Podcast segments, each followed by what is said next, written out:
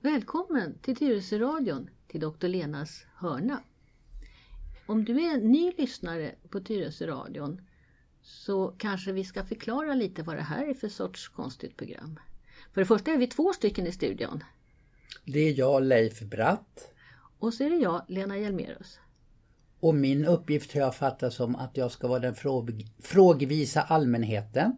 Och du ställer så jättemånga konstiga frågor ibland. Men jag är då läkare och jag är geriater som specialitet. Och sen har jag också en utbildning i en annan specialitet som heter palliativ medicin. Och där har jag diplom. För där finns det, när jag fortfarande var yrkesverksam, inte en specialistkompetens. Men det håller på att komma.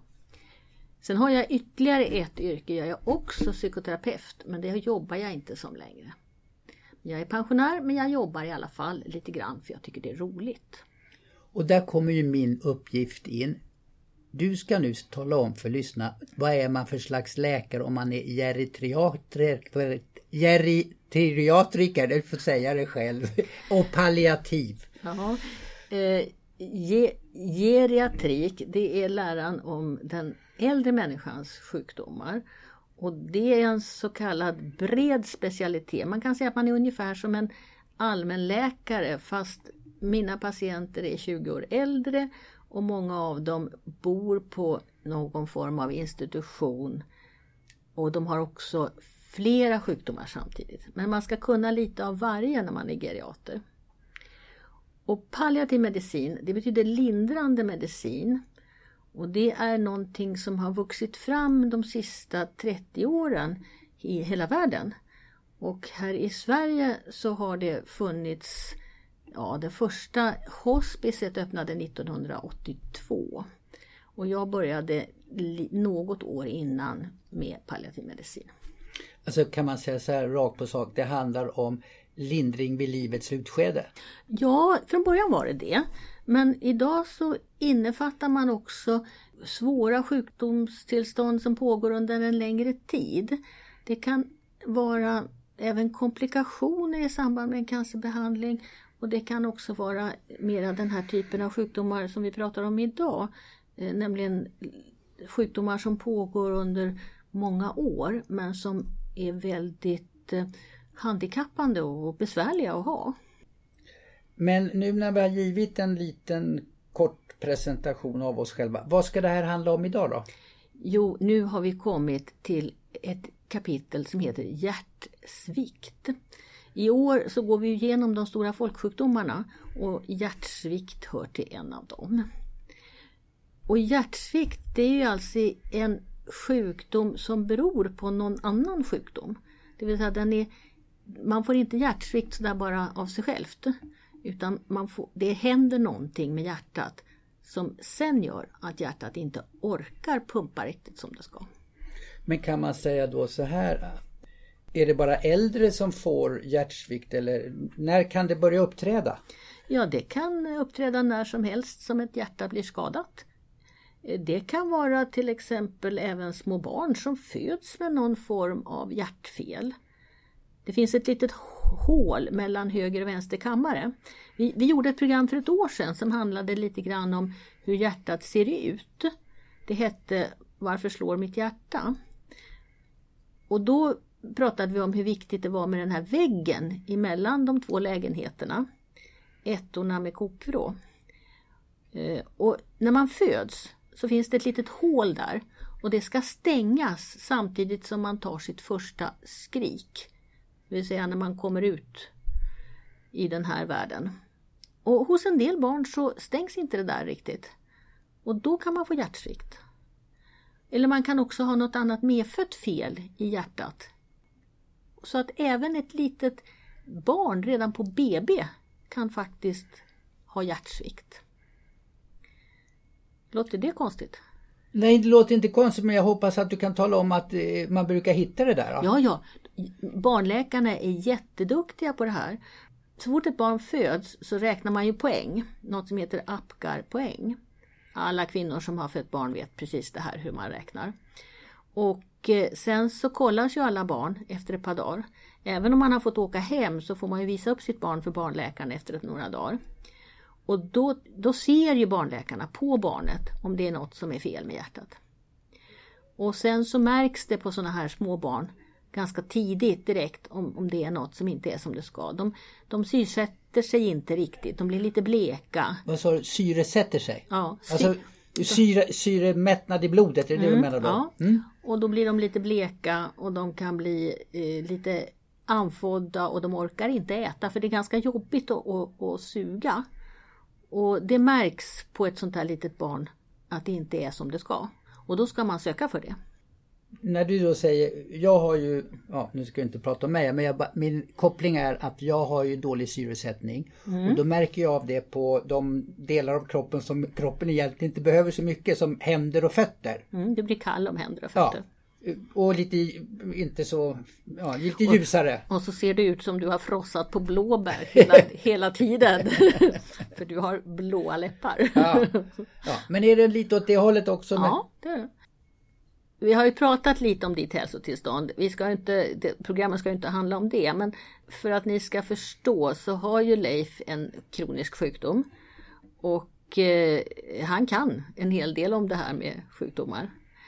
Nu funkar hans hjärta jättebra, hoppas jag, eller hur? Du tänker inte tuppa av här nu? Vi sitter och nej, spelar nej, in. nej, det, det känns bra. Det känns bra, ja. Du, du sviktar inte, men du, om du skulle få en hjärtsvikt, då skulle du få en högersvikt. Därför att din sjuka sitter i lungorna. Ja. Hjärtat pumpar ju blod på, i två cirklar. Först en liten cirkel genom lungorna och sen en stor sväng genom hela kroppen. Och jag har ju motstånd då i och med att jag har proppar i lungan så har jag lite motstånd där för hjärtat. Och då blir det så att Lite tyngre. Jag läste på 1177-sidan, de hade ett sånt väldigt bra uttryck. De sa att vid hjärtsvikt så ställer sig blodet på kö. Och en högersvikt, då står det på kö till lungorna. Det kommer inte fram riktigt.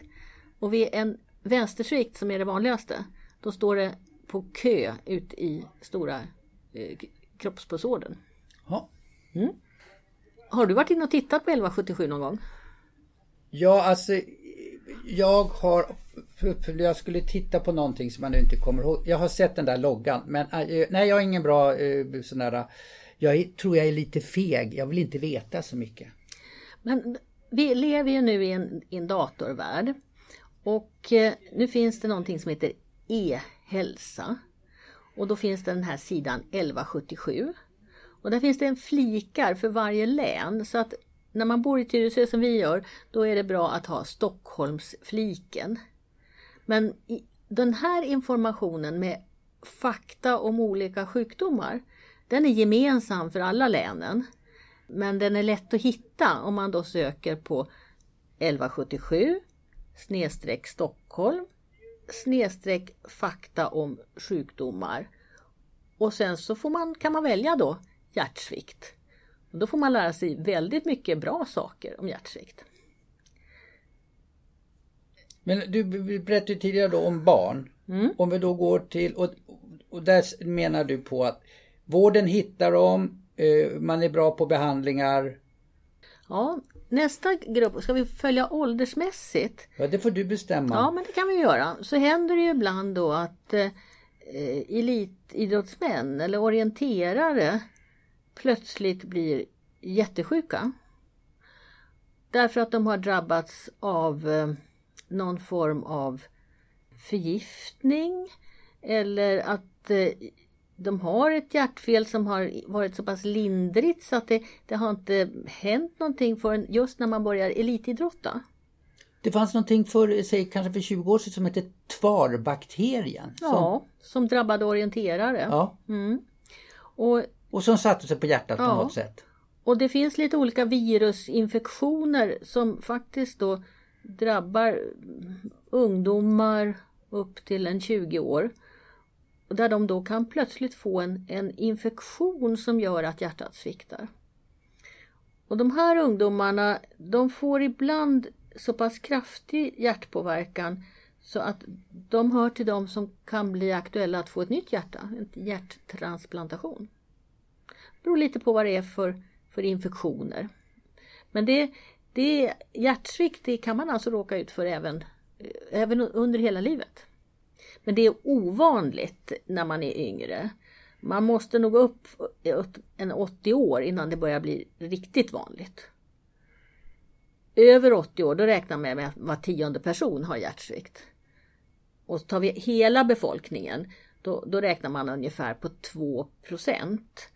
Men det är en folksjukdom. Så fort vi är över 1 procent så brukar vi säga att det är, en, det är en sjukdom som drabbar så pass många människor att det, att det påverkar hela samhället och alla måste känna till den.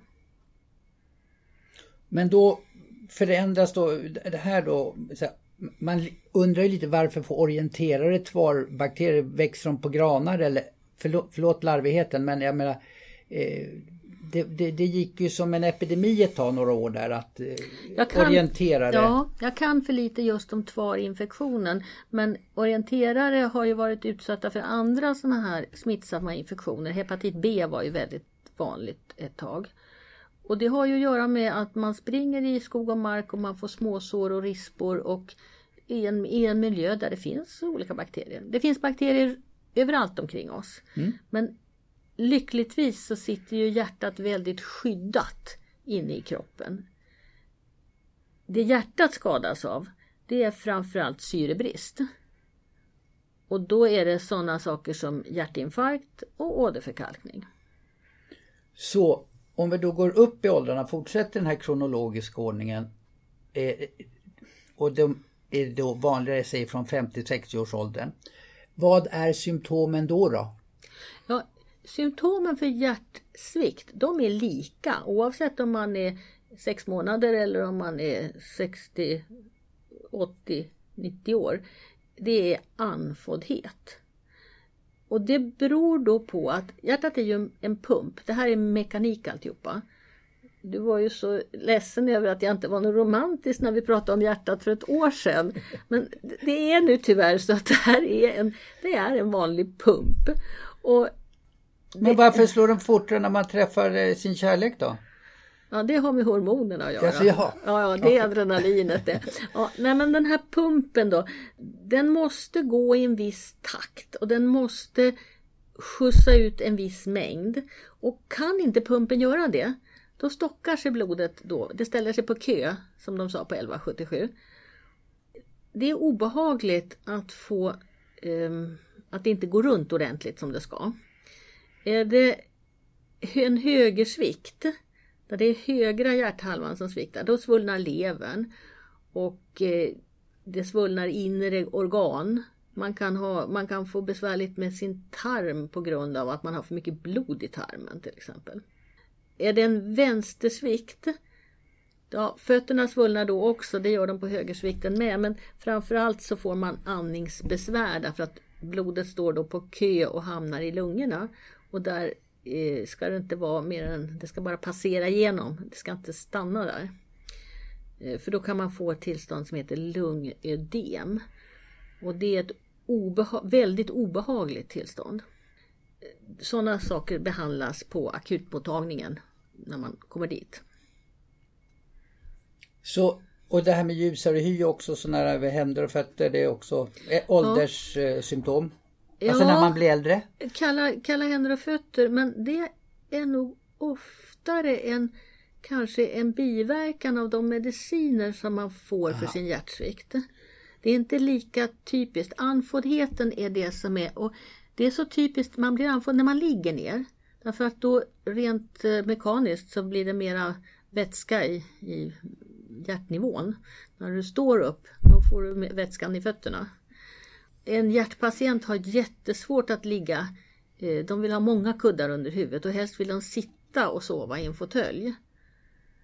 Sen så är det också ganska typiskt att det händer på nätterna. Det blir sämre på nätterna. Och det har ju att göra med att man ligger ner på natten. Får jag fråga dig då, så, eh, finns det någonting jag kan göra, alltså leva ett hälsosammare liv och vad, ska, vad är då hälsokomponenterna för att minska risken när 50-60 att det här ska börja uppstå som ett problem? Ja, man ska ju ha då ett, ett friskt kärlsystem och man ska ha så lite åderförkalkning som möjligt. Och där är ju rökningen igen då. Eh, vi vet att röker man så får man sämre blodkärl. Att sluta röka, det är alltid rätt. Det kan aldrig vara fel att sluta röka. kost då? Finns det något kostråd? Ja, en del av dem som har mycket kärlsjukdom eh, och högt blodtryck, de har ju problem med fetterna och det är ju sånt som mäts i och då kan man få äta blodfettssänkande mediciner för att hålla systemet i bra skick. Och sen naturligtvis att röra på sig så att hjärtat är en muskel, att den här pumpen är lite vältränad. Att den är, har en, en marginal så att den kan slå på det lite fortare och långsammare vart eftersom det behövs. Ja, då hoppar vi till min egen erfarenhet när du ja. säger då eh, ja, motionera lite och så. Jag fick ju min diagnos när jag bodde i Österrike. Och då blev jag ju tillsagd, fick inte gå i trappor, fick inte gå på gym, fick inte bära hem matkassar, fick inte få upp pulsen över 120. Alltså ungefär sitt still i båten. När jag kom till Sverige då var det sjukgymnastik, alltså i form av att gå till eh, miniatyrgym med lyfta skrot och cykla sån här motionscykel och, och, grejer. Vem har rätt och vem har fel? Alltså jag tänker det, det är ju likartat här. Det är ju hjärtat som eh, ja, ska hållas... Ja, vi har naturligtvis rätt i Sverige. Ja. Nej men sånt här ändras ju ibland över åren ja, det, det, är en fördel med att vara en gammal doktor att jag kan ju se tillbaka och minnas hur det var när alla nyopererade skulle ligga blickstill i sina sängar ända tills man kom på att om de var uppe och gick så fick de mindre proppar i benen. Och eh, vi hade på en hjärtinfarkt så hade vi tre veckors innan man liksom fick eh, ta i någonting. Idag så är det, har man helt andra behandlingsmetoder och man ska upp och träna så fort som möjligt man får mindre komplikationer. Vartefter vi lär oss saker och ting så ändras ju. Och där kanske Sverige låg lite före Österrike. I, ja. Kanske. Och, sen sådana här saker är också Det är så mycket tradition ibland i, i behandlingar. Det finns eh, man brukar skoja ibland om, om eh, antagonisten mellan de två universiteten i Jena och Heidelberg. Mm. Det som var rätt i Heidelberg var alltid fel i, i, I Jena. Jena. Ja. Ja. Mm. ja, då gäller det att välja rätt eh, bostads... Eh, ja, skriva sig på rätt ställe då, då. Nej, men i Sverige ligger vi långt framme och det har att göra med att vi följer våra patienter noga. Vi har de här registren där vi faktiskt tar reda på hur går det för dem. Och vi vet eh, mycket om eh, både bakgrunden till hjärtsvikt och, och, hur behandlingen ska vara för att den ska bli så bra som möjligt. Och så kommer det nya saker. kommer faktiskt nya mediciner och nya behandlingsmetoder. Men du som säger då själv, nu, tar, nu är inte jag elak mot dig för det var ditt eget ordval, jag som är en gammal doktor. Eh, vad skulle du säga har hänt de senaste, vad sa du nu 68 började du, jag orkar knappt räkna, du börjar närma 50 år i professionen. Ja, jag, gjorde, jag arbetade första gången på en akutmottagning som timvikarie eh, som, som biträde då, 1967. Och eh, det var en ganska chockartad upplevelse just med de här hjärtpatienterna för vi kunde inte göra någonting. På den tiden om man blev svullen i benen då tog man ett rakblad och så skar man tre jack i varje ben och så fick vätskan rinna ut genom öppna sår. Det där kallades för skarifikation. Och man satte på blodtrycksmanschetter på en arm och två ben och lät en arm vara kvar i, i funktion. Då så hög, eh, pumpade man upp så att man stängde av all blodtillförsel för att hjälpa hjärtat. Och så fanns det ju då fort, morfin och, och, ett medel som heter petidin. Men inte förrän, eh, jag tror att det var 1970 som vi fick vattendrivande medicin som vi kunde spruta. Och det var rena revolutionen. Jag, jag minns fortfarande hur jag stod nere på akuten på Akademiska sjukhuset i Uppsala och fick bevittna hur man sprutade ett läkemedel som gjorde att de här patienterna plötsligt började må bra igen. Det går inte att föreställa sig när man inte har sett det. Det här, alla bra hjärtmediciner, det är ju ett skäl till att vi lever så mycket längre också. Och faktiskt lever på ett mycket bättre sätt. Och faktiskt också dör på ett mycket bättre sätt varje generation ser ju tillbaka och minns hur dog min mamma och pappa, hur dog min mormor och morfar, hur dog min farmor och farfar, hur gamla blev de? Och så tror man att det ska vara precis likadant för en själv. Men man glömmer att under tiden, under de här hundra åren, så har det hänt så oändligt mycket bra saker. Så döden ser inte alls ut på samma sätt idag som den gjorde då för ja, 1969 när jag började på i sjukvården. Kan man säga då så jag förstår att det finns en väldig variation med hur man svarar på medicin och så vidare. Men överlag, hur handikappad blir jag om jag får diagnosen hjärtsvikt? Det finns, det finns som sagt eh, grader av allting och i, när det gäller hjärtsvikt då har, man, då har man graderat det efter staden New York. Så man har New York-grader. Och New York 1, då lever man ett fullgott liv. Med, man måste ta sin medicin. New York 2 gör man det också. New York 3, då börjar det bli lite jobbigt. Och New York 4, då är man riktigt sjuk. Då kanske man inte orkar lämna sin bostad längre på samma sätt som tidigare. Och då har man många mediciner. Men man är fortfarande klar i huvudet, man kan skriva, man kan prata, man kan vara eh, telefon, man kan umgås med andra människor. Det handlar väldigt mycket om att få en bra medicinering.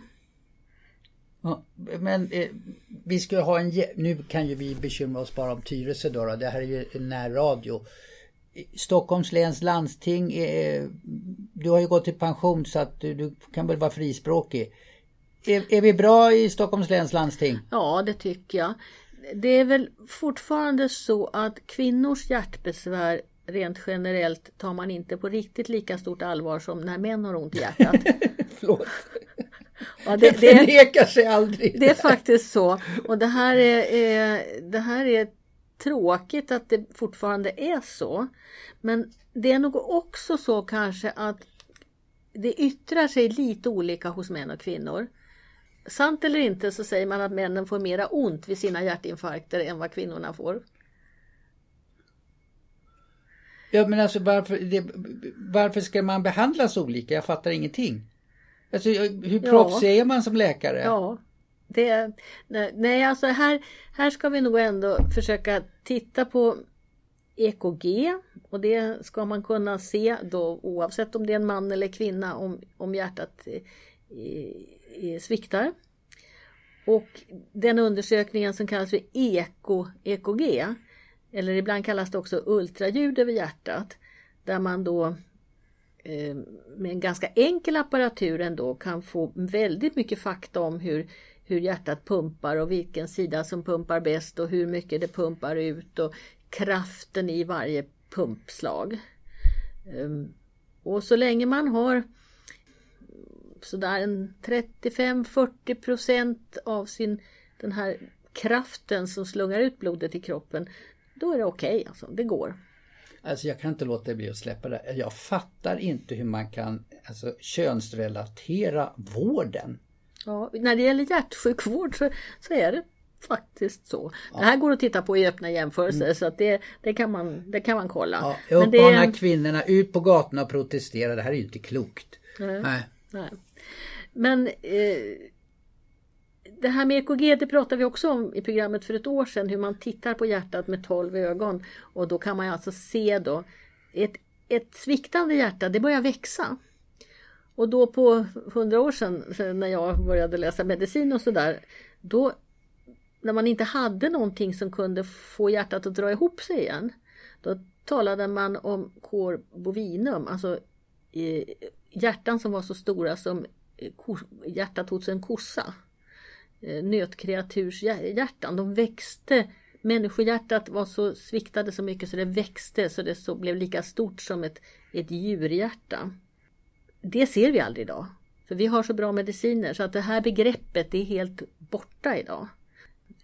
Det finns en del saker som man kan bli lite full i skratt åt. Jag har ju så svårt det här med digitalisering. För digitaliskt, det är en hjärtmedicin för mig. Och digitalisering, det kommer alltid att betyda att ställa in rätt dos av denna ganska giftiga hjärtmedicin till den som behöver den. Och idag så använder vi nästan inte digitalis och digitalisering idag det betyder något helt annat. Det betyder det här med datorer. Mm. Så att eh, det, det förändras, världen ändras. Men det låter på dig i alla fall som att Eh, eh, det har förändrats väldigt, väldigt mycket till det bättre. Förutom den här könsrelaterade eh, problematiken. Vi blir inte så sjuka som vi blev tidigare. Nej, och vi kan vi har bra mediciner, vi har nya fina mediciner, vi har till och med speciella pacemakrar för hjärtsvikt. Det är också ganska nytt och det används för de som inte av någon anledning medicinerna biter på. Eller tabletterna biter på. Och vi har också möjlighet att byta hjärta och få ett nytt transplanterat hjärta. Och det är många människor idag som lever med eh, ett hjärta som de har fått i gåva av någon annan. Och det är en helt fantastisk utveckling. Man, hur många är det idag i Sverige som har gått igenom en hjärttransplantation? Vet du det? Tusen människor? Ja, nu, det där var en sån där fråga som var uh, oförberedd. Nej, det kan jag inte svara på.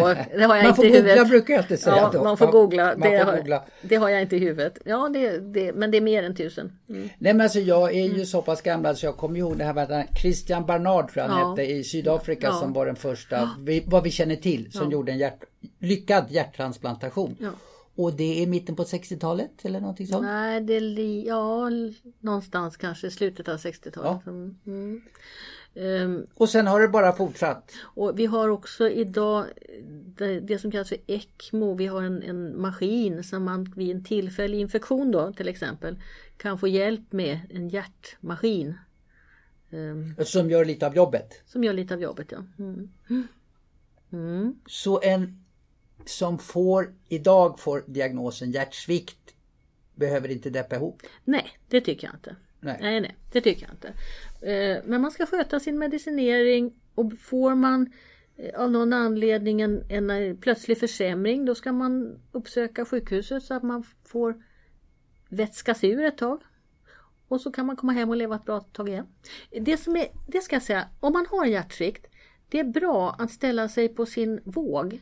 Inte för att se om man har blivit smal eller fet utan vätska som samlas i kroppen väger ju. En liter vatten väger ett kilo.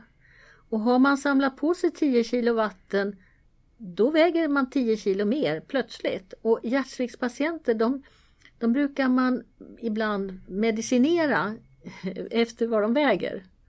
Och då sätter man också upp en målvikt att de ska väga en viss antal kilo. Och väger de mer, ja men då har hjärtat börjat svikta. Och har de, de ska ligga under den här höjdhoppsribban. Men om vi säger att man drabbas av hjärtsvikt och då vet man ju inte om det för det är ingen som har ställt diagnosen och, och sådana här saker. Men om man då tar vågen som diagnosinstrument, hur fort kommer vätskeanhopningen? Om jag så att säga på helgen får hjärtsvikt men jag vet inte om det. Men jag är för, för vana att ställa mig på vågen. Kan jag väga 10 kilo mer på en vecka? Ja, ja, du kan gå upp 4 kilo på en dag. Alltså det, Men det måste ju då vara ett jättebra, alltså för Det är mig inte- hemma i bostaden. Ja, och det, det är väldigt bra med den här vågen. Och eh, i vården så väger vi lite, folk lite för sällan. Eh, Vi, vi borde mm, lite mer med automatik. Precis som när man går till veterinären så får man sätta sin hund på vågen. Eh, På samma sätt så ska man ställa sig på vågen när man går till doktorn. Det kan man ju göra hemma innan. Ja, det var så jag tänkte. Ja, ja. För då ser man ju ganska raskt Ja, ja. att här är någonting som är... eh, fel. Mm, Ja. Och då får vi hoppas att vi har gett några kloka svar. här. Inte svar, vad heter det? Ja. Rå- Råd. Råd heter Rekommendationer. det. Rekommendationer. Och som sagt att det, det finns många tråkiga sjukdomar. Hjärtsvikt är en folksjukdom. Men det går att leva ett bra liv även med hjärtsvikt. Men man måste sköta sin medicinering. Okej. Ska jag säga tack nu då? Nej, så jag men, eh, var det mer du, något mer du ville berätta? Nej, jag är nog färdig för idag tror jag. Ja, då säger jag tack Lena. och ha det så bra. Alla ni som lyssnar där ute också. Hej och tack.